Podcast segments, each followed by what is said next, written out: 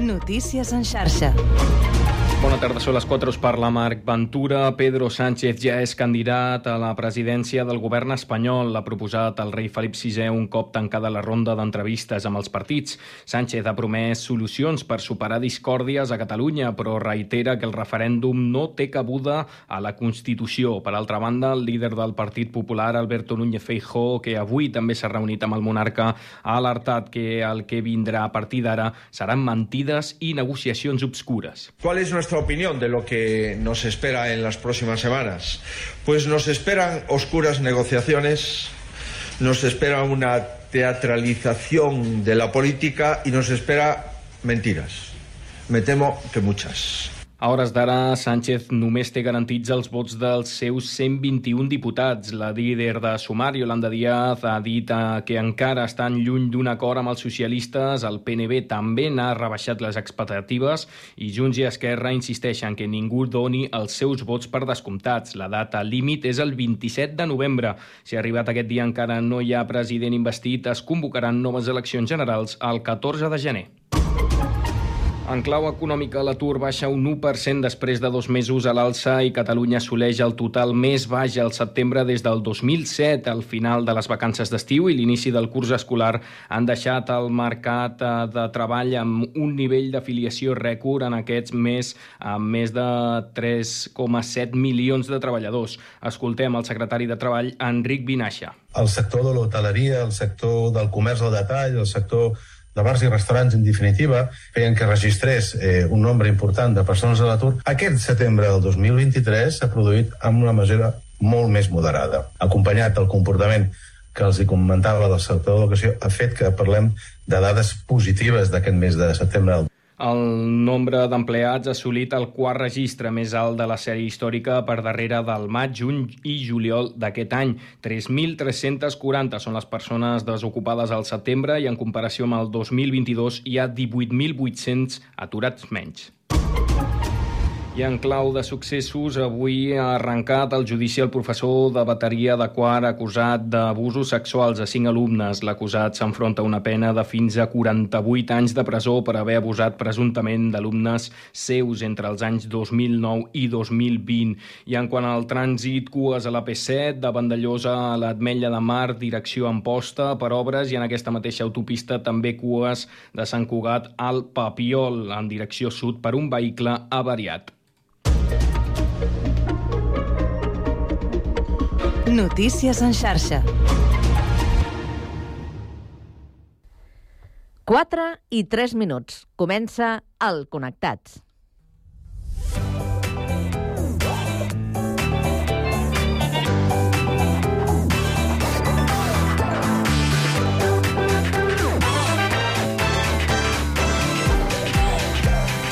Connectats amb Carme Reversa.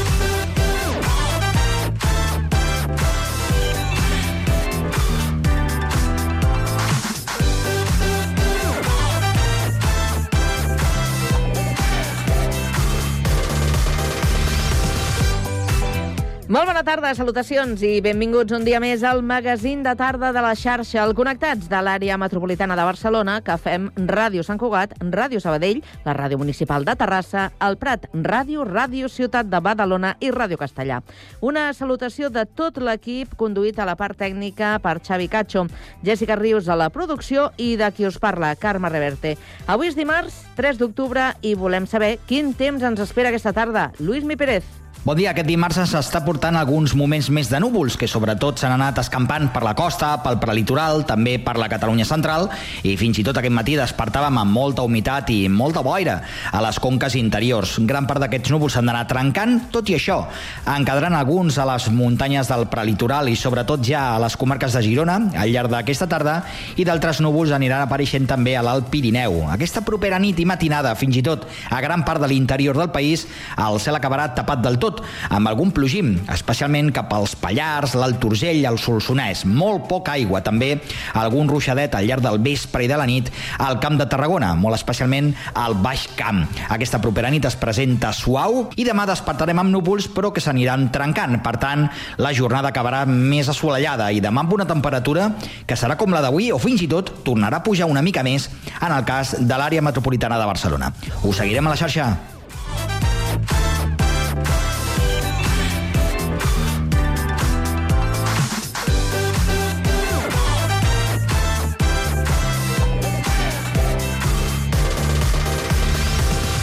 Avui al Connectats parlarem de la violència sexual digital. En parlem amb Maria Olivella, coordinadora de la Unitat d'Igualtat de la UOC. Acabarem aquesta primera hora amb la tertúlia generalista, avui centrada en la novetat en el sistema de pensions i també centrarem l'atenció en peatges i autopistes. A partir de les 5 coneixerem Gamma, grups d'autoedició de materials per aprenents que fa 30 anys. Ho farem a través d'una de les seves fundadores, la Margarita Pérez. Continuarem amb llengua, també des de Sabadell, per referir-nos als 20 anys de voluntariat per la llengua amb Elisabet Palomés, directora del Centre de Normalització Lingüística a la ciutat. Acabarem amb cultura i la presentació del llibre Més cròniques de Macondo, del santcugatenc Josep Amorós. Tot això i més des d'ara i fins a les 6 de la tarda a la vostra emissora local. Connectats? Comencem.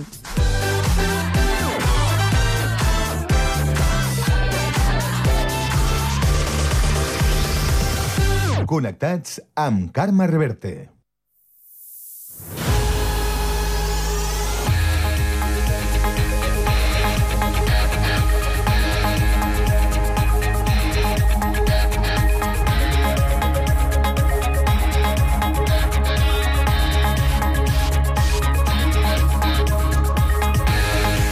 Bé, doncs a les 4 i 6 minuts ens actualitzem i ho fem amb aquesta ronda informativa que un dia més obrim per Terrassa. Sergi Estapé, bona tarda. Bona tarda. L'Ajuntament de Terrassa ha rebut el Premi Cermi Punès 2023 en la categoria de millor acció local. Aquests guardons, que atorga el Comitè Espanyol de Representants de Persones amb Discapacitat, CERMI, reconeixen les institucions, persones o iniciatives compromeses amb la millora de la qualitat de vida de les persones amb discapacitat. Terrassa va presentar la seva candidatura per les diferents accions que ha dut a terme a favor de la inclusió i la integració de les persones amb discapacitat.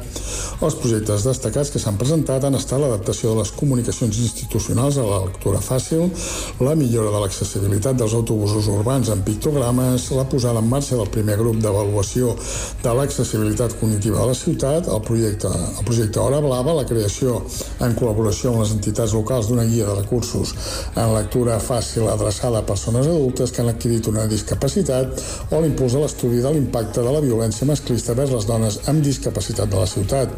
El jurat ha destacat que l'aposta de Terrassa és la que més ha estimulat el desenvolupament humà i social de les persones amb discapacitat i les seves famílies, així com la seva inclusió en la comunitat. Gràcies, Sergi. I ara seguim el repàs de l'actualitat eh, per la Q-Capital. A Sabadell, avui que és notícia. Pau Duran, bona tarda. Bona tarda. La campanya del Banc de Sang i Teixits de Catalunya sobre la donació de plasma a terra aquest dimarts i dissabte a Sabadell. La jornada s'emmarca en la celebració de la Setmana Mundial del Plasma, que és essencial per fer front a algunes infeccions, però també per produir determinats medicaments que poden salvar la vida a molts ciutadans. Avui dimarts, la unitat mòbil del Banc de Sang i de Teixits és a la Biblioteca de Ponent, mentre que dissabte serà a l'antic Mercat de Sant Joan. També serà allà el dia 21 del mateix mes, on encara queda alguna cita lliure. Cristina Valverde, responsable de promoció del Banc de Sang i Teixits, assenyala la principal afecció que necessita de plasma al programa El Cafè. Una immunodeficiència primària vol dir precisament això, aquestes defenses que li falten, doncs que només es poden treure de les donacions de plasma, no i es poden fabricar sintèticament en lloc. Per tant, és, són tractaments que li duren, que han de durar tota la vida perquè això ho tindrà de per vida, aquest pacient. Per tant, si no te, disposa d'aquestes eh, proteïnes, doncs són pacients que per qualsevol refredat o així se'ls hi pot complicar molt més i llavors doncs eh, s'ha de vigilar molt amb aquests pacients perquè no els hi passi res realment greu. El temps d'extracció té una durada superior al de la sang. Així, si la bossa de sang s'omple amb un temps entre 5 i 10 minuts, la de plasma triga entre 40 i 50. Ara bé, els altres components de la sang es retornen al donant i aquest procés es va repetint en petits cicles. A la Biblioteca de Ponent s'han instal·lat 6 lliteres i s'hi ha citat a 32 donants, omplint totes les hores. se'ls dona un refrigeri i se'ls regala un moneder, fet amb tela de banderoles usades en campanyes anteriors. Gràcies, Pau. Anem ara fins al litoral des de Badalona. Avui que marca la crònica informativa, Andrea Romera, bona tarda. Bona tarda, Carme. L'Ajuntament de Badalona prepara un pla de millora per als patis dels centres educatius que ajudi els alumnes a suportar millor les altes temperatures. El coordinador d'Educació, José Manuel López, ha posat com a exemple ciutats com Barcelona o l'Hospitalet, que han invertit en millorar finestres, plantar arbres per fer ombra i crear refugis climàtics a les escoles. Tot i que no ha donat més detalls, el coordinador d'Educació assegura que d'aquí un any diversos centres educatius en notaran la millora. L'escoltem. Millorar els, uh, les vidrieres amb, amb aquests gramen orientables, però també sembrar més arbres, però també posar, posar veles, convertir-los en refugis climàtics, etc etc. És veritat que no és una cosa barata, ja us ho dic jo, que l'estiu vinent no estaran, no dic tots, però un nombre important de patis i d'escoles no estaran com estan aquest estiu. López ha retret a la Generalitat la decisió d'avançar l'inici de curs i eliminar la jornada intensiva, ja que, segons creu, agreuja la situació a les escoles quan fa tanta calor. Gràcies, Andrea. I ara seguim una mica més al sud, al Prat de Llobregat. Lluís Rodríguez, bona tarda. Bona tarda. L'aqüífer profund del qual el Prat obté el 80% de l'aigua que consumeix està a 4,5 metres per sota del nivell del mar a causa de la sequera i l'explotació d'aquest recurs. La situació, però, no és tan greu com la de sequera del 2008, en què l'aqüífer va arribar a estar a 10 metres, quan el nivell òptim seria al mateix nivell o una mica per sobre. Escoltem Aurelia Garcia, gerent d'aigües del Prat, que parla de les conseqüències que podria tenir un empitjorament de la sequera amb la mesura en què la planta de tractament que té Akbar a Sant Joan d'Espí que capta aigua del riu Llobregat no tingui prou, l'Agència Catalana de l'Aigua, l'Administració Hidràulica, donaria instruccions a Akbar en aquest sentit a treure un volum d'aigua d'aquests pous eh, més important, no? i per tant aquest nivell baixaria. Això tindria una repercussió, empitjoraria la qualitat de l'aigua, perquè es salinitzaria. Pel que fa al consum domèstic, l'ACA considera ideal els 100 litres per habitant i dia per tot plegat. Des d'Aigües del Prat han engegat una campanya per conscienciar a la ciutadania i assolir els 90. Gràcies, Lluís. Tornem al Vallès i ens quedem ara a Castellà. Rocío Gómez, bona tarda. Bona tarda. Comerç Castellà organitza entre els dies 9 i 11 de novembre la primera edició de Correbraves, un concurs que busca les millors patates braves entre bars i restaurants de Castellà del Vallès. Es farà una gran festa de cluenda per a restauradors el 16 de novembre, on es repartiran diplomes a tots els establiments participants i un trofeu al guanyador. A més, tots els clients que hagin votat tindran l'oportunitat de guanyar un xec de 50 euros per a gastar en els comerços associats. L'única manera de votar serà a través d'una aplicació amb un codi QR que estarà a la porta de cada local, que permetrà als clients decidir quin lloc mereix guanyar el títol de les millors patates braves de Castellà. El preu establert per a les braves i la beguda serà de 4 euros més un euro pel got, que serà retornable. Gràcies, Rocío. I tancarem aquesta ronda d'actualitat amb la crònica de Sant Cugat que ens porta Jessica Rius. Bona tarda. Bona tarda. La FA Turó de Camp Mates i l'Escola Tècnica Superior d'Arquitectura del Vallès, SAP, ha fet realitat un projecte perquè els infants d'aquest centre educatiu disposin d'un nou espai d'ombra a l'exterior. Es tracta d'una cúpula closca, així l'han batejat l'alumnat, que està format per més de 300 làmines de fusta de bedoll i que s'ha ha suposat per a l'AFA una despesa de 3.500 euros. La membre de l'entitat i de la comissió de, de pati, Helena Alvareda, ha lamentat que el projecte no hagi sorgit des de l'Ajuntament. Des de l'Ajuntament no hi havia propostes, no hi havia pressupost, per tant vam haver de tirar endavant l'AFA. Per sort tenim el vincle amb l'Escola d'Arquitectura de Sant Cugat. El que té sentit és que l'Ajuntament lideri aquests projectes i que no siguem les AFAs que haguem d'invertir els diners que recaptem entre totes les famílies per construir elements com aquests, sinó que es fagin des de l'Ajuntament i que així també és molt més senzill a nivell burocràtic. L'alcalde, per la seva banda, ha posat de manifest el compromís municipal que es va refermar amb una moció institucional al ple de setembre per dotar els centres educatius públics que ho necessiten d'espais d'ombra. Això es materialitzarà amb una partida als pressupostos de 2024. Ja ens hem reunit amb totes aquelles escoles que van elaborar un manifest demanant algo tan normal i necessari avui dia com són ombres als patis. I en el proper pressupost ja signarem una partida per, perquè el proper estiu hi hagin ombres als patis. És una manera de començar, també. Per tant, estem assumint el que hem de fer, buscar solucions, en aquest aquest cas per les escoles públiques de la nostra ciutat. Cada any el màster en disseny paramètric de l'ATSAP realitza projectes de construcció d'estructures singulars. Enguany s'ha materialitzat amb l'estructura Pentaura, rebatejada pels infants de l'escola com a cúpula closca. També ha celebrat la iniciativa la directora de l'escola Turó de Can Mates, Dolors Torres.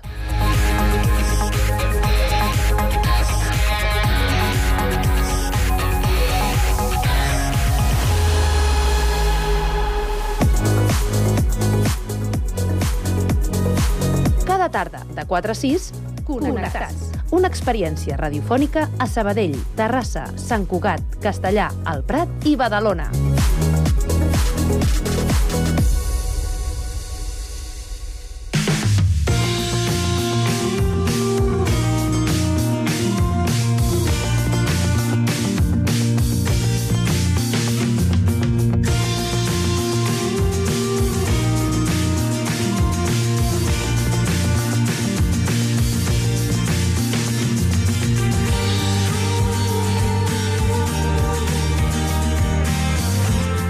La violència masclista digital és una realitat que cada vegada afecta més dones. L'informe Violència Digital de Gènere, una realitat invisible de l'Observatori Nacional de Tecnologia i Societat, recull que el 18% de les dones declara haver sofert assajament, assetjament sexual a internet.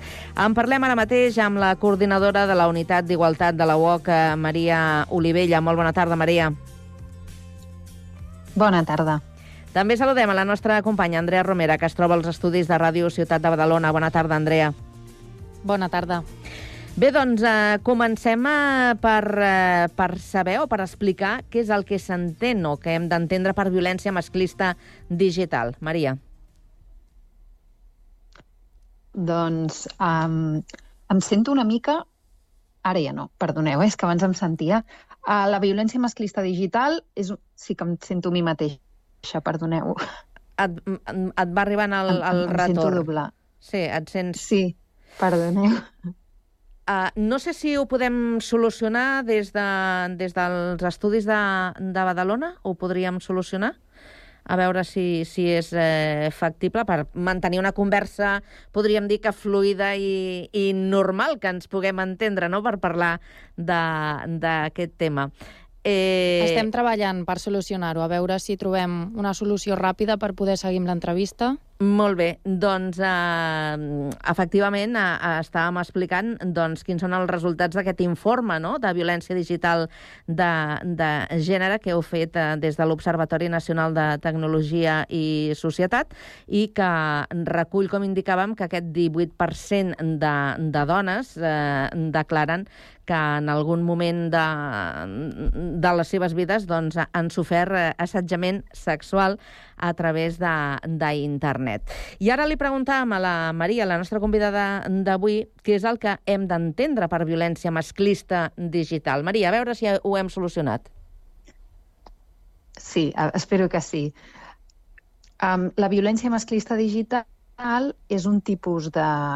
Diríem que és el mateix que la violència masclista, simplement que hem de pensar en un canal nou que, que, que s'afegeix no, en aquestes relacions de, de, de violència masclista no, que abans eh, succeïen en l'àmbit presencial o no digital i ara se'ns afegeix un nou canal. D'acord? Llavors, hem d'entendre, de, per una banda, que, que és un contínuum, la, la violència eh, presencial i la digital són un contínuum. Això vol dir que no vol dir que una eh, sigui excloent de l'altra. Moltes vegades um, ens estan passant les dues a la vegada, o comença per una i se'n va a l'altra, comença per l'altra i se'n va uh, comença la digital i se'n va a la presencial, o poden passar les dues a la vegada. ¿vale? El que és important és entendre que, que la violència masclista, diríem, com a violència sistèmica, cultural, social, és el mateix. El que passa que la violència masclista digital tenim un canal nou que ens genera situacions específiques. Clar. Ens pot, per exemple, podem replicar el que passa en la vida presencial a lo, a lo digital i sí que tenim formes específiques de violència masclista digital, que ara les podem comentar, que, que estan molt relacionades amb el, amb el canal tecnològic en si mateix. Mm -hmm. O sigui, els hi dona continuïtat, però també amplifica no? uh, la possibilitat de, de distribuir uh, aquesta, aquest assetjament. Eh, segurament que veient les notícies, seguint l'actualitat en el dia a dia, trobem molts exemples de, de delictes. Quins serien els més recurrents? Posem algun exemple. D'acord. Uh, podria haver-hi, per exemple, el que jo deia, no? la, la replicació literal del que passa la vida presencial en un mitjà digital seria um, insultar a una dona per, pel fet de ser dona o llançar-li comentaris um, um, no sé, discriminadors o ofensius en termes de sexualitat, de la seva sexualitat o el seu cos, comentaris discriminadors. No? Això seria el tipus de violència no? que, que podria passar en l'àmbit um, presencial que també està passant en l'àmbit digital. Què passa en l'àmbit digital una mica diferent? Home, que si està passant a, a, en una xarxa social, això ho estan veient milers de persones a la vegada mm. i a la vegada replicable, no? Per ah. tant, aquí seria una de les especificitats, no? Però després tenim que la pròpia tecnologia genera um, um, una capacitat de fer assetjament que no té l'àmbit presencial, com per exemple seria, per exemple, fer seguiment a una persona via tecnologia, no? amb aquests xips o amb aquests, uh, o amb aquests um, amb tecnologia que tu pots posar doncs, al mòbil de la persona en forma d'app o, per exemple, amb, amb, de manera física. Li pots posar un, un, un xic de seguiment a una persona, no? O, per exemple, uh, el phishing, no? que és que tu apretes un link i se't posa un, un programa dins del teu mòbil que et capta tota la informació, per exemple. O, o el robatori de el robatori d'imatges no? que tens en el núvol o que tens en el teu propi mòbil no? a través d'aquests programes. És a dir, um, la tecnologia genera unes formes molt específiques de violència masclista, però el que és important és que la violència masclista, no? aquesta discriminació sistèmica per ser dones, és, és el mateix fenomen. Ara que comentaves, Maria, aquestes noves formes no, de violència digital gràcies a les noves tecnologies, aquests darrers dies s'ha vist molt als mitjans que gràcies a la intel·ligència artificial es poden falsificar imatges. I una de les coses que s'està fent és falsificar imatges de dones i convertir-les en imatges d'aquestes dones despullades. De fet, li van fer fa poc a la mateixa Rosalia, a la Rosalia, la cantant que tots coneixem, i un grup de noies també es van juntar en un institut per, per denunciar això que els havia passat. Uh, això també seria un tipus de violència digital, segons el que comentes? Diria... Sembla que hem perdut sí, la diria... trucada de la Maria. Hem perdut a, a la Maria, a veure si la recuperem de seguida. Estem tenint una conversa una mica accidentada avui per parlar d'un tema tan interessant i tan d'actualitat eh, com és el de la violència masclista digital, perquè, com dèiem abans, eh, Andrea, dia sí, dia també, pràcticament ens trobem en, en els temes d'actualitat a través dels mitjans de comunicació diferents exemples de com s'exerceix eh, doncs, eh, aquesta, aquesta violència. I efectivament, el que tu deies, tenim exemples molt recents no? de la utilització d'aquesta intel·ligència artificial doncs, eh, per cometre segurament el que està eh, suposem tipificat com, com, un, com un delicte, no? Difondre, per exemple, imatges manipulades i que mm, el que estan servint és per, a, per agredir precisament a, a, a les persones que, que s'han utilitzat. A veure si tenim ja disponible a la, a la Maria. Sembla que, que hem recuperat sí. a la Maria. Maria, ens sents? Sí, us sento. Perfecte. Reprenc la pregunta que et feia, i és que estàvem comentant això de noves tecnologies igual a noves formes d'assetjament, no? I el que comentàvem és que gràcies a la intel·ligència artificial doncs, estan, podem fer molts avenços positius, però també negatius. I un d'aquests negatius és que s'estan falsificant imatges de dones fent-les com si estiguessin despullades, aquestes dones, i s'estan difonent. Això ho hem vist als mitjans de comunicació les últimes setmanes. Li va passar també a la mateixa Rosalia, comentàvem, a la cantant, la Rosalia. Això també seria uh -huh. un, una nova forma no?, de violència digital?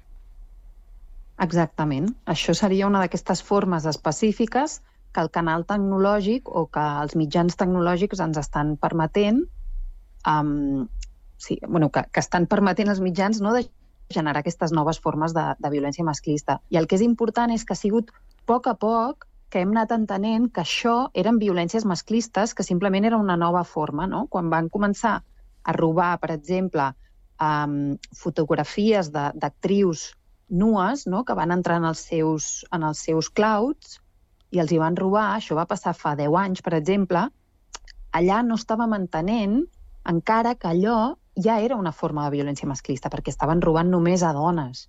I, i clarament aquí hi havia un viatge de gènere, no? I a poc a poc, mentre s'han anat fent més massives, s'ha anat fent més massiva la tecnologia i sobretot també les xarxes socials, hem anat entenent que uh, l'espai digital i que la tecnologia no, no és un espai neutre on no passin les coses que passen a la vida real, no?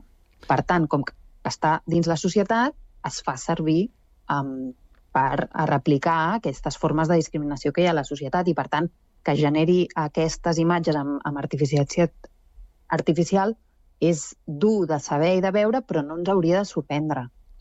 El que passa en molts casos, ara que comentaves aquestes situacions en què es robaven fotos de models nues, és que es tendeix a culpabilitzar la víctima, no? a dir, doncs no haver-te fet aquestes fotos. Això és una situació habitual en els casos de violència digital, de fer a la víctima sentir-se culpable? És clar, i, i això forma part de la mateixa discriminació eh? de, i de la mateixa violència masclista. Posar el focus en la responsabilitat de la persona, no? que és la víctima, o fins i tot posar-la, um, fer-la responsable no? de, de, de que està posant un problema sobre la taula, no? Ens està generant un problema. Tot anava molt bé fins que tu has fet la queixa, fins que tu um, ens has dit a mi això m'ha fet mal, no? I això és una, és una característica comuna amb, amb, amb, amb totes les situacions de denúncia, no? de, de discriminació, i, i en especial, bueno, en especial no, això passa també amb les denúncies de, de racisme, per exemple, o per diversitat funcional, etc. No? I, per tant, això és, és, és, forma part de la mateixa violència masclista, no? desviar l'atenció de qui està creant el problema, que són les persones que estan fent aquest assetjament o de les persones que tenen responsabilitat d'alguna manera en crear tecnologia o en no posar barreres i regulacions a aquesta tecnologia, no? que és el que ens, estem passant, ens està passant amb les, amb les empreses d'intel·ligència artificial o amb les xarxes socials, que estem veient que no els interessa posar limitacions. No? I portem anys i anys demanant a Twitter, a Instagram, a Facebook i etc que posin mitjans i, i no, no ho estan fent. Clarament, l'interès no és en limitar-los. Quin, és, no? quin seria el perfil de dona que es veu més afectada per aquest tipus de violència? Potser les més joves, que són les que tenen més contacte amb la tecnologia. Jo no, puc, no tinc dades ara per dir això. Sí que tenim algun, algunes intuïcions, o, o jo puc tenir algunes intuïcions i algunes dades, o alguna, alguna, algunes conclusions que he llegit d'alguns estudis.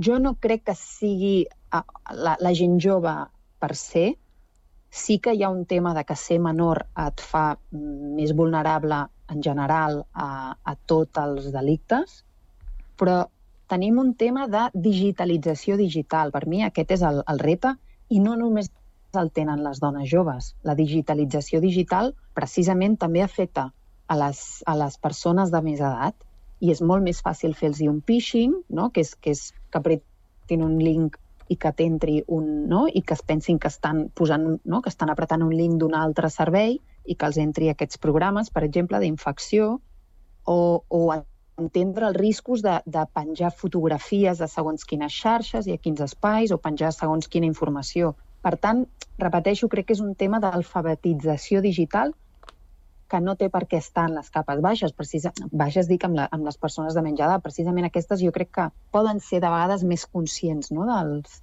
dels riscs. I en canvi um, les persones que tenen, no, de, de, de que no, no han tingut tant contacte amb la tecnologia o potser no només per un tema d'edat, sinó per un tema d'estar menys en contacte amb la tecnologia per altres qüestions, de, de classe o d'altres no, altres característiques, les dones eh, històricament han tingut menys contacte no? amb, amb l'àmbit digital i amb la tecnologia, eh, això podrien ser no? aquests factors que, que fan més vulnerables a, a les persones. Abans També comenta... he de dir una... Digues, digues, perdona. No, no, no, no.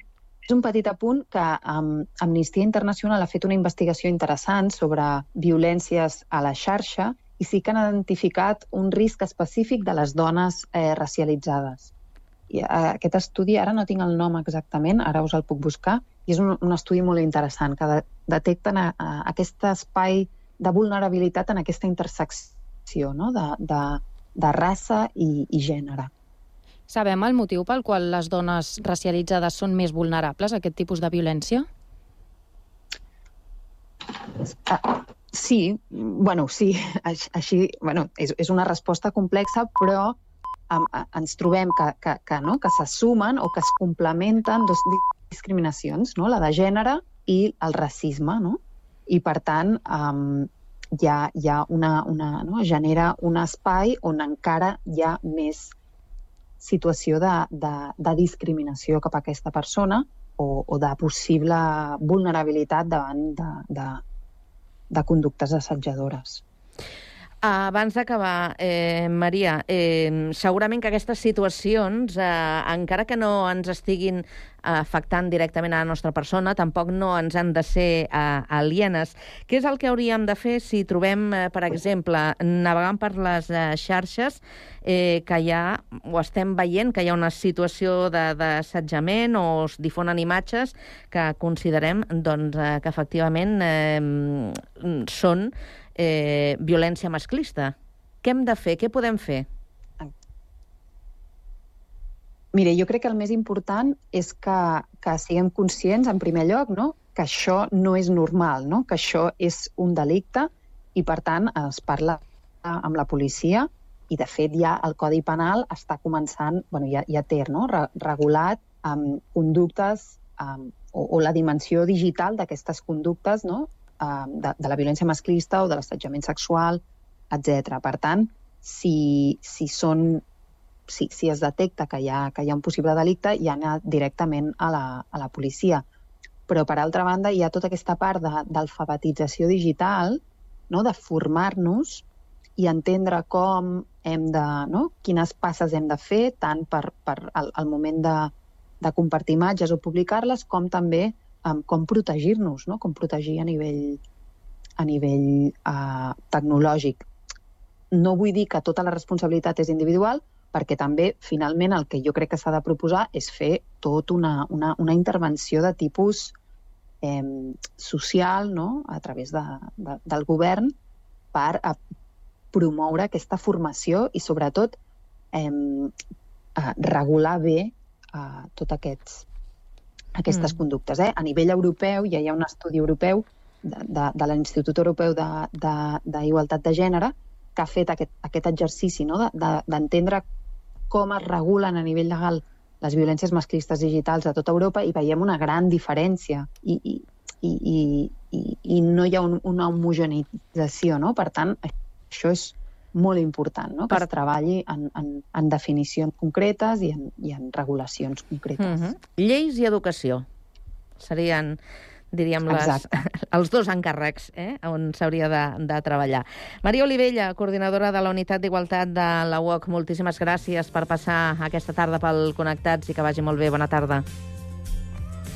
Gràcies a vosaltres. Adéu. Adéu. Adéu, Andrea. Bona tarda. Bona tarda, Carme.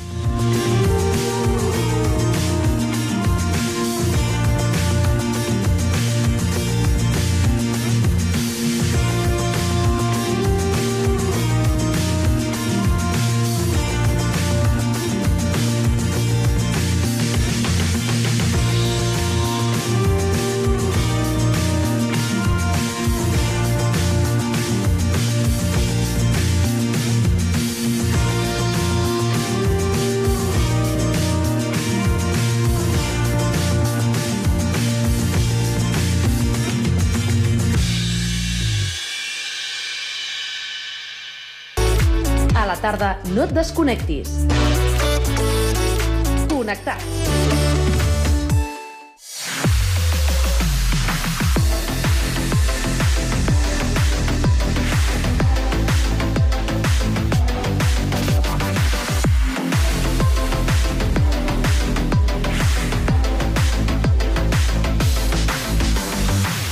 Passen 4 minuts de dos quarts de 5 de la tarda. Avui anem amb una mica de retard. Semblem rodalies, però no ho som, eh?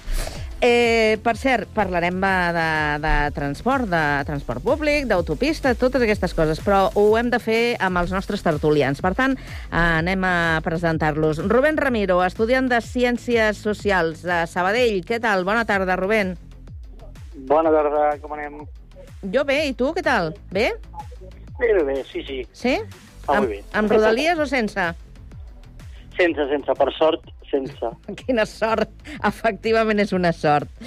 Molt bé, a Sant Cugat, però via telefònica, ens acompanya Eduard Pomares, enginyer industrial. Què tal, Eduard? Bona tarda. Hola, molt bona tarda, Carme. Bona tarda a tothom. Tot Roda Rodalies també o no? O no les no, fa servir? No, Rodalies, no, no, afortunadament no les vull ni veure. Mare meva, us esteu salvant, eh? Us esteu I salvant. tant.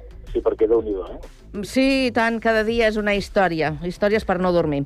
Anem a Badalona. Bueno, de fet, no, no hem marxat, perquè allà també tenim la tercera tertuliana d'avui, l'Alba Blanco, que és politòloga. Alba, bona tarda. Hola, bona tarda a tothom. Tu fas servir rodalies? Doncs avui, per sort, no l'he fet servir, però normalment sí, i sempre és una sorpresa. Sembla un ou kinder, no? Pràcticament. Però sense regalet. Sí, no, sí, el regalet el deixen. Sí, ja ja t'ho dic jo, que, te, que te'l deixen. Una altra cosa és que t'agradi, però el regalet te'l Sí, sí. deixen.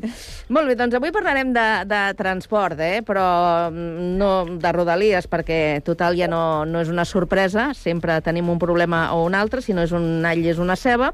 I començarem, però, parlant eh, d'aquesta novetat en el sistema de, de pensions, perquè des d'aquest diumenge cada dia treballat és un dia sencer cotitzat a la Seguretat Social, independentment de les hores de feina que constin en el contracte laboral. M'agradaria saber, doncs, eh, així, eh, a grans trets, què, què us sembla aquest anunciat, aquesta, aquesta novetat? És, un, és, és, és una, bona, una bona eina o, o què us Jo sembla? crec que... Jo crec que, és una, que com sempre va tard, però que és una molt bona mesura. Uh, ja era hora, la veritat, perquè uh, segurament coneixem el món de les dones, sobretot dones que han tingut feines de mitja jornada uh, perquè doncs, havien de tenir cures de les seves famílies, etc i no podien permetre treballar um, més que, que mitja jornada, que ha quedat una pensió um, parlant clar de merda perquè doncs, penalitzava el fet de, de ser una mitja jornada i per tant doncs, és un avantatge i també per, per la part dels joves també perquè moltes persones han tingut també feines molt precàries amb contractes de mitja jornada que, que després d'aquí uns anys, quan vulguem jubilar-nos, si és que això ens arriba, doncs, doncs ens penalitzarà. Jo mateix, per exemple, tinc 31 anys, treballo des dels... legalment des dels 18 i Mm. tinc 4 anys i mig cotitzats perquè em penalitzen les feines de mitja jornada o aquelles que no tenen contracte, perquè, bueno, ja sabem com funciona aquest món. Doncs així és una notícia per celebrar, no? En el teu cas, Rubén? Sí, sí, sí, i tant, i tant, i tant. Malgrat no és amb caràcter retroactiu, per tant, no, no, no em serveix. És que no hi ha tants sí, diners a la Guardiola, eh? Rubén, no hi ha tants diners a la. Guardiola per això. No, Per algunes exacte. coses. Ah, sí, per algunes coses sí. Vinga, Alba. Sí, clar, en defensa o en, o en monarquia ens gastem més de 8 milions d'euros l'any, només amb la, amb la Casa Reial, per tant, això crec que, que el cost serà molt menor i l'efecte retroactiu ajudaria molt, sobretot aquelles dones més precàries que no han tingut accés a contractes a jornada completa i que estan cobrant doncs, pensions de misèria per sort de, del salari mínim interprofessional, seria una mesura que, que si fos retroactiva, doncs, eh, seria molt positiva no?, per totes les dones, però coincideixo eh, amb el meu company, o sigui, s'ha- s'ha- és, una, és una bona notícia, és una victòria per, per les persones potser més vulnerables, no?, que tenen aquests contractes més precaritzats. Uh -huh. Eduard, com ho veus? Home, jo després del que ha dit tant l'Alba com el Rubén, poca cosa més puc dir. És a dir, els col·lectius més, més vulnerables laboralment, que són els joves i sobretot, sobretot les dones, són les que més es pot beneficiar perquè sí que és cert que com a mínim que se'ls reconeixi econòmicament la seva feina, eh, tal i com es mereixen, no? Perquè fins al dia d'avui podríem dir que fins i tot doncs, se n'ha abusat eh, àmpliament. És a dir, només hem de veure doncs, alguns dels sectors en què treballen majoritàriament eh, les dones, tema de, de neteja d'hotels i de més, hosti, estan cobrant fins i tot pues, eh, 4 i 5 euros en el millor dels casos per habitació feta. I una vegada acabada la mitja jornada, doncs cap a casa.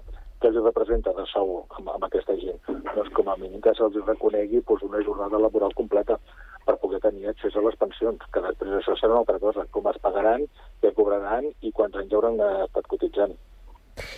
Jo també estava pensant ara mateix que en, el, en aquest col·lectiu, en el grup de, de les dones, que com heu apuntat eh, són eh, majoritàriament les més eh, afectades, ja no només pels sectors eh, on, on treballen, sinó perquè, ja tornem al tema, eh, el tema de la conciliació.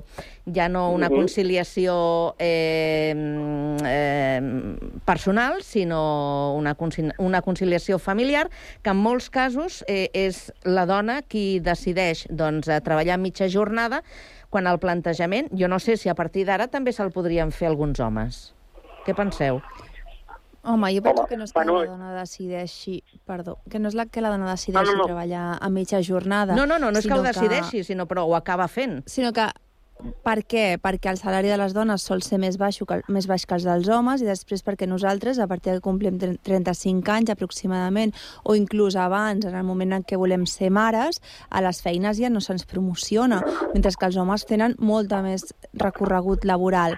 Aleshores, les dones decideixen, no voluntàriament, sinó pel que el sistema les impulsa a sacrificar la seva vida laboral en pro de, de, de bueno, que econòmicament la família tiri més.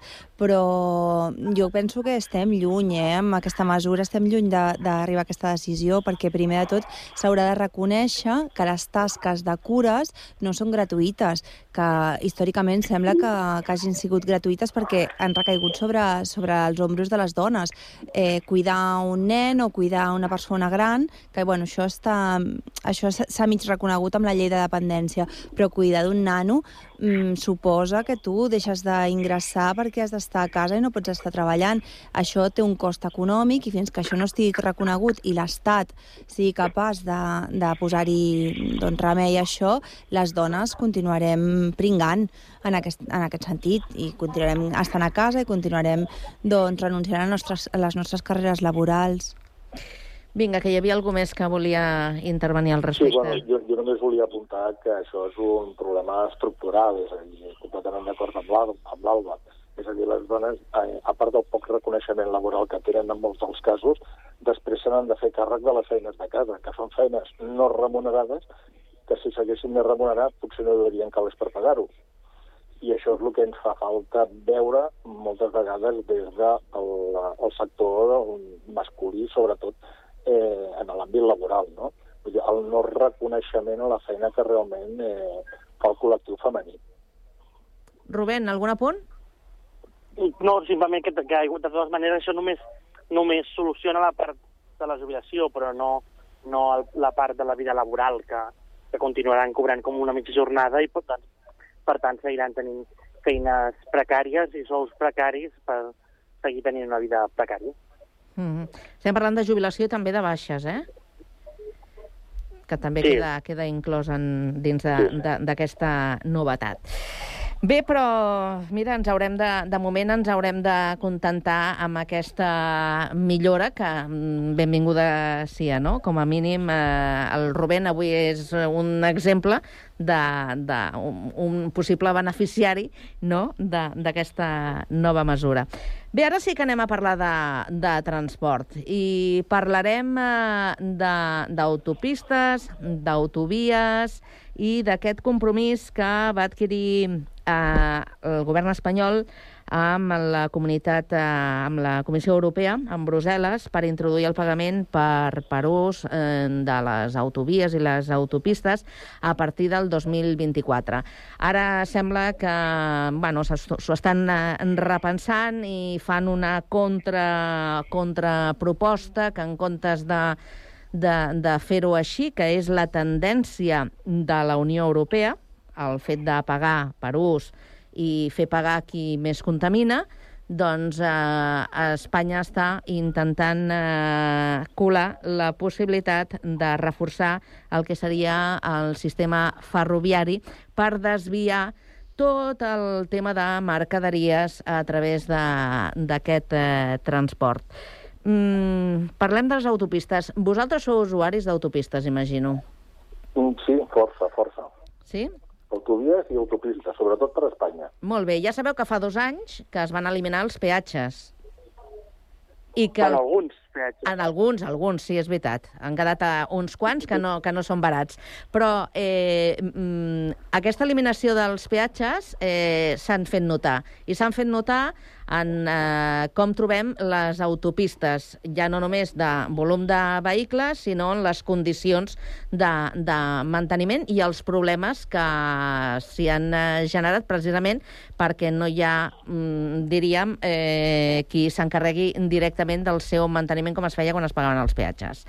Eh, heu notat aquesta diferència en el temps que, que s'han eliminat aquests peatges a, a la P7, principalment? Mm, Sí, bueno, jo crec que és a totes les autopistes, és a dir, el, el volum de trànsit, eh, jo no sé dir per quan s'ha multiplicat, però realment està creixent d'una forma exponencial.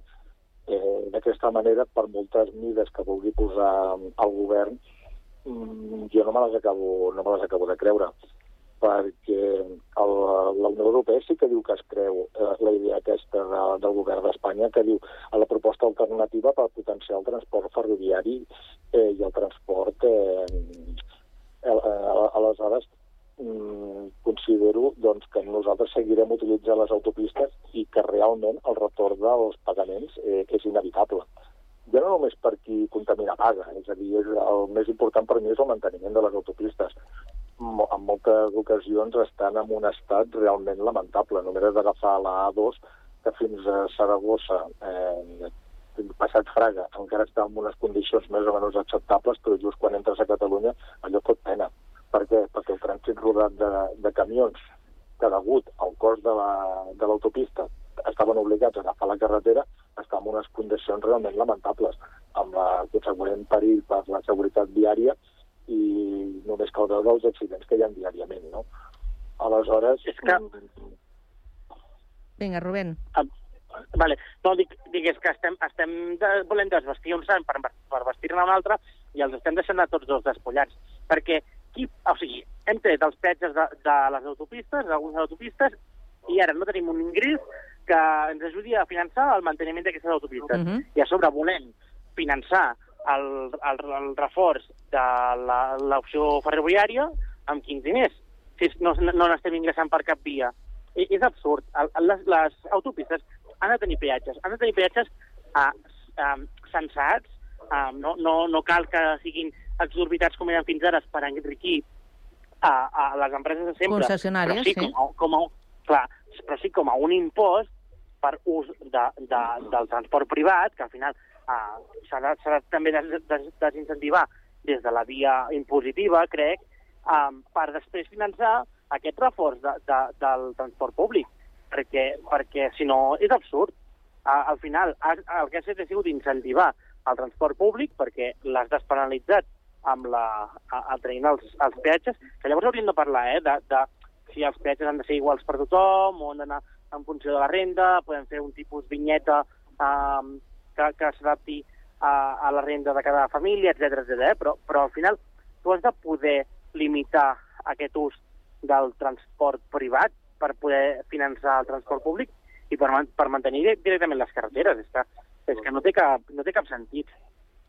Tema manteniment és clau. Alba, vinga. Sí, sí, molt d'acord amb, el que, amb el que comenten els meus companys. De fet, jo penso que això ha sigut una, una patata cap endavant per part de les, del govern de, de l'Estat perquè bueno, doncs, encara no sabem si hi haurà o no hi haurà eleccions al desembre i és un tema molt controvertit, la qüestió de, dels peatges, però està claríssim que, que ateses, o sigui, tal com estan a les directives de la Unió Europea, mm, els peatges hauran d'acabar imposant-se.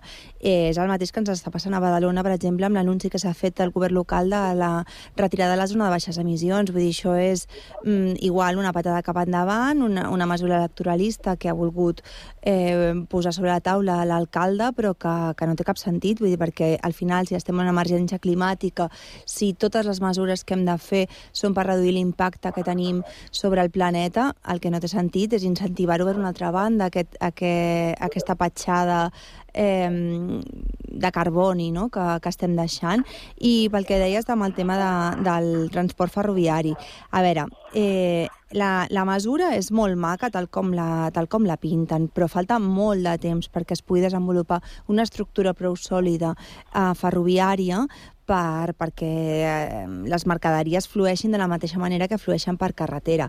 Per tant, les mesures han de ser més valentes, penso jo. Si realment el nivell d'emergència climàtica que tenim és tan bèstia com, com, com, bueno, com ens estan dient cada dia, el que hem de, de portar també és el de creixement, és a dir, hem d'intentar consumir menys, hem d'intentar consumir productes que siguin molt més propers, que no ens vinguin des de l'altra punta del món i, i bueno, doncs, si el món ha canviat tant, eh, la digitalització ha aparegut a les nostres vides, no? hem canviat, teletreballem, no sé, hem canviat moltes maneres de, del nostre funcionament. El que no és normal és que el transport i el consum de mercaderies des de l'altra punta del món doncs, continua sent igual que, que fa molts anys. No? Així que, bueno, que l'aposta penso que, que ha de ser profunda i valenta. A propòsit del que ara estava comentant eh, l'Alba, els eh, que defensen el corredor mediterrani, us en recordeu? Sembla la prehistòria, però encara és un tema que, que coeja i que, que, que no, que no se'n parla. S'ha quedat precisament en via, en via morta. L'Alba apuntava doncs, que està ple de bones intencions, això de, de fomentar el, el, el, la, el ferrocarril per a les mercaderies, però eh, precisament els que defensen el corredor mediterrani apunten i parlen de la necessitat de tenir un sistema de transport integral. És a dir, hauríem de tornar a recuperar aquesta idea i insistir amb el corredor del Mediterrani? Aviam, jo, jo crec que això, això és absolut, eh, absolutament cert, és a dir, però s'ha de fer amb, amb cara i ulls i amb un projecte que realment es pugui tirar endavant, perquè jo no sé quants anys fa que s'han parlat del corredor, però no crec que hagin evolucionat absolutament en res. És a dir, tot això, a més a més, li, limita i molt, doncs, eh, sobretot el transport de mercaderies. És, és absurd que, eh, sobretot, la, la, la, el, el litoral mediterrani, eh, que va des d'Andalusia de, fins, fins a arribar a Catalunya, totes les infraestructures és que foten pena.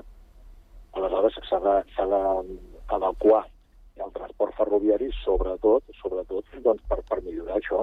Evidentment que això reduiria el transport per carretera, però és que de, tal com està la infraestructura ara mateix és que no hi ha alternativa. No hi ha alternativa. I amb el tema dels pagaments, permeteu-me dir, a veure, eh, si, com que és inevitable, a veure, nosaltres tampoc ens suposarà un, eh, un, un, un gran què. A veure, nosaltres hem pagat eh, autopistes tota la vida. En canvi, a Espanya sí que pot ser més, més un altre problema. Per què? Perquè fins, fins que van treure els pagaments, tu per anar de Barcelona a Saragossa per autopista tenies que pagar 32 euros. I a partir de Saragossa podies arribar fins a Cádiz, que són 900 quilòmetres, i no pagaves un duro. Aleshores, és el govern que, eh, a veure com planteja doncs, eh, amb els usuaris de, de les autopies i autopistes espanyoles eh, que digui, ara has de pagar per fer-ne ús quan no n'has pagat mai. Mm. Sí, sí. Eh, Rubén. Bueno, tampoc es pagava abans per les grans fortunes i ara es paga. Vull dir que no, no és cap, cap drama haver de pagar impostos si serveixen per finançar serveis públics, que és pel que hem de servir. Um, a mi em fa relativa gràcia aquesta, aposta, aquesta falsa aposta pel, pel transport públic de, de mercaderies o, o de persones, eh? perquè, perquè a la pràctica tot queda, tot queda en paper mullat. No? Aquí al Vallès, per exemple, fa anys que es reclama un corredor eh, eh, ferroviari, um, un subtiró ferroviari a Barcelona per no haver de, per salvar d'una vegada per totes les rodalies que deixin de passar per mig de Barcelona i poder eh, tenir un servei decent de rodalies i, en canvi, el que se'ns planteja i se'ns eh, força a, a acceptar és un quart cinturó que, que, que no demanem, que, que, que no volem, de fet. No? I llavors, bueno, mmm, qui es pagarà aquest, amb què es pagarà aquest, aquest quart cinturó? Doncs tampoc ho sabem perquè no hi haurà peatge tampoc. Doncs, bueno, és, és una mica un conte molt bonic a la, en el paper, però, però que a la pràctica és, és ben fals. Alba. Sí, no? i també comentar no? que fins quin punt la, la construcció d'aquestes carreteres o aquestes macroinfraestructures responen a la realitat del territori i les necessitats. Ara, ara ho comentava el Rubén, no? que, que doncs, al Vallès, per exemple, seria necessari potser canviar el model radial que tenim fins ara de transport de trens i, i fer altres maneres, o sigui, altre tipus de, de xarxa ferroviària, no? Però aquest sistemes, o sigui, aquestes grans obres també abonen a que alguns empresaris eh, relacionats no, amb, amb el món de, de les macroinfraestructures que fa l'Estat doncs, hi treguin un gran benefici. Aleshores, doncs, també hauríem d'estar amatents i hauríem de veure eh, doncs, a, obres com el corredor mediterrani a qui beneficien econòmicament realment. Eh, és el, està obsolet. Mm, jo, a mi em sembla que una miqueta obsolet potser ha quedat en, alguna, en alguns dels seus plantejaments, no? sobretot en el, en el que fa el tema del transport eh, rodat perquè han, bueno, han sorgit doncs, noves maneres de transportar mercaderies, no? principalment. Parlàvem del, del tren, però bueno, també està el vaixell i, i, i s'està parlant d'altres formes, no? potser així com més dirigides, més, mm, més ràpides no? de, de transportar mercaderies. Aleshores, totes aquestes macroobres Uh, també s'ha de veure doncs, si realment són necessàries, no són necessàries. O sigui, una, caldria també una auditoria ciutadana per saber si, si, si, bueno, si uh, responen al bé comú o responen als interessos d'uns quants. Uh, no ens queda massa temps, però mira, molt ràpidament li pregunto a l'Eduard, ara que apuntava l'Alba això d'altres mitjans uh, de, de transport com el, com el vaixell. Eh, el, Eduard, tu diries que, que estem preparats en, en aquest àmbit, en el naval? Aviam, eh, de fet, eh, el que és el transport de, de mercaderies entre ports espanyols eh, eh, s'utilitza sovint sovint, és a dir, eh, vaixells que arriben, doncs, per exemple, d'Àsia fan escala a Barcelona, però després van cap a València i altres ports eh, espanyols. El que no veig és que s'haguessin d'utilitzar amb un transport, diguéssim, de comunitat a comunitat. Mm. O sigui, no, no, no ho veig, perquè després eh, internament també necessites un transport terrestre.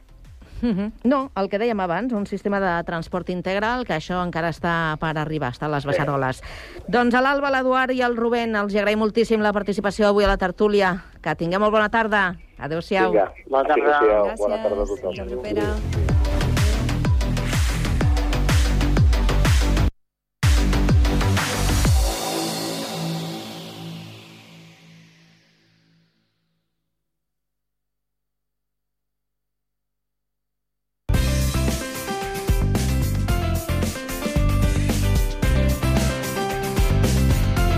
Ràdio Sant Cugat, 91.5 FM.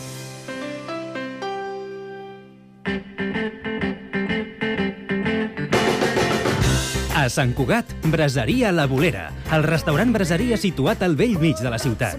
Més de 20 anys oferint la més alta qualitat en tots els seus productes, en amanides, carns, verdures, Braseria La Bolera, amplis menjadors per a celebracions familiars, batejos, comunions, casaments, Braseria La Bolera. Els que ja la coneixen sempre hi tornen. Baixada de l'Alba 20, al costat del monestir. Telèfon 93 674 1675.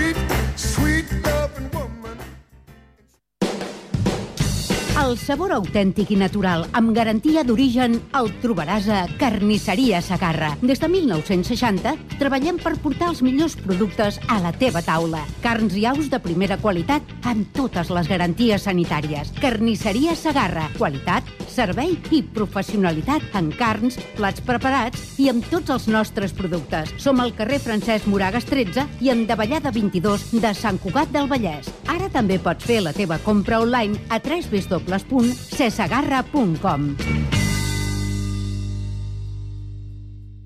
Compte, no el toquis, que es trencarà. Que no el toqui? És un piano, és per tocar. T'imagines si a Mozart li haguessin dit... Amadeus, no el toquis, que es trencarà. Ens hauríem perdut moltes coses, no? Per què en comptes de pensar en tot el dolent que podria passar si fas alguna cosa, no penses en totes les coses bones que podrien passar? Assegurances Catalana Occident, perquè la confiança et fa la vida millor. Grup Catalana Occident. La banda sonora de la teva vida.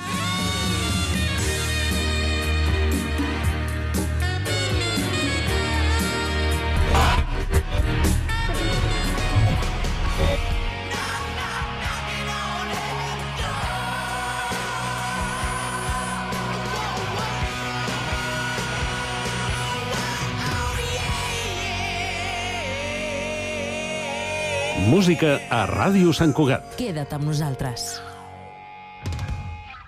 Hem sortit al carrer per preguntar als nostres escoltants què els hi semblava la llanterna màgica i això és el que ens han dit. Pues la cosa es así. Verá, es impresionante. Me encanta, me encanta. Mola. Me gusta cómo suena. ¡Qué bonito! Si us agrada el cine i les bandes sonores, vosaltres també podeu formar part dels escoltants de la llanterna màgica. Tots els dijous, a les 10 del vespre, la llanterna màgica a Ràdio Sant Cugat. Ràdio Sant Cugat, Cugat Mèdia, www.cugat.cat. Ràdio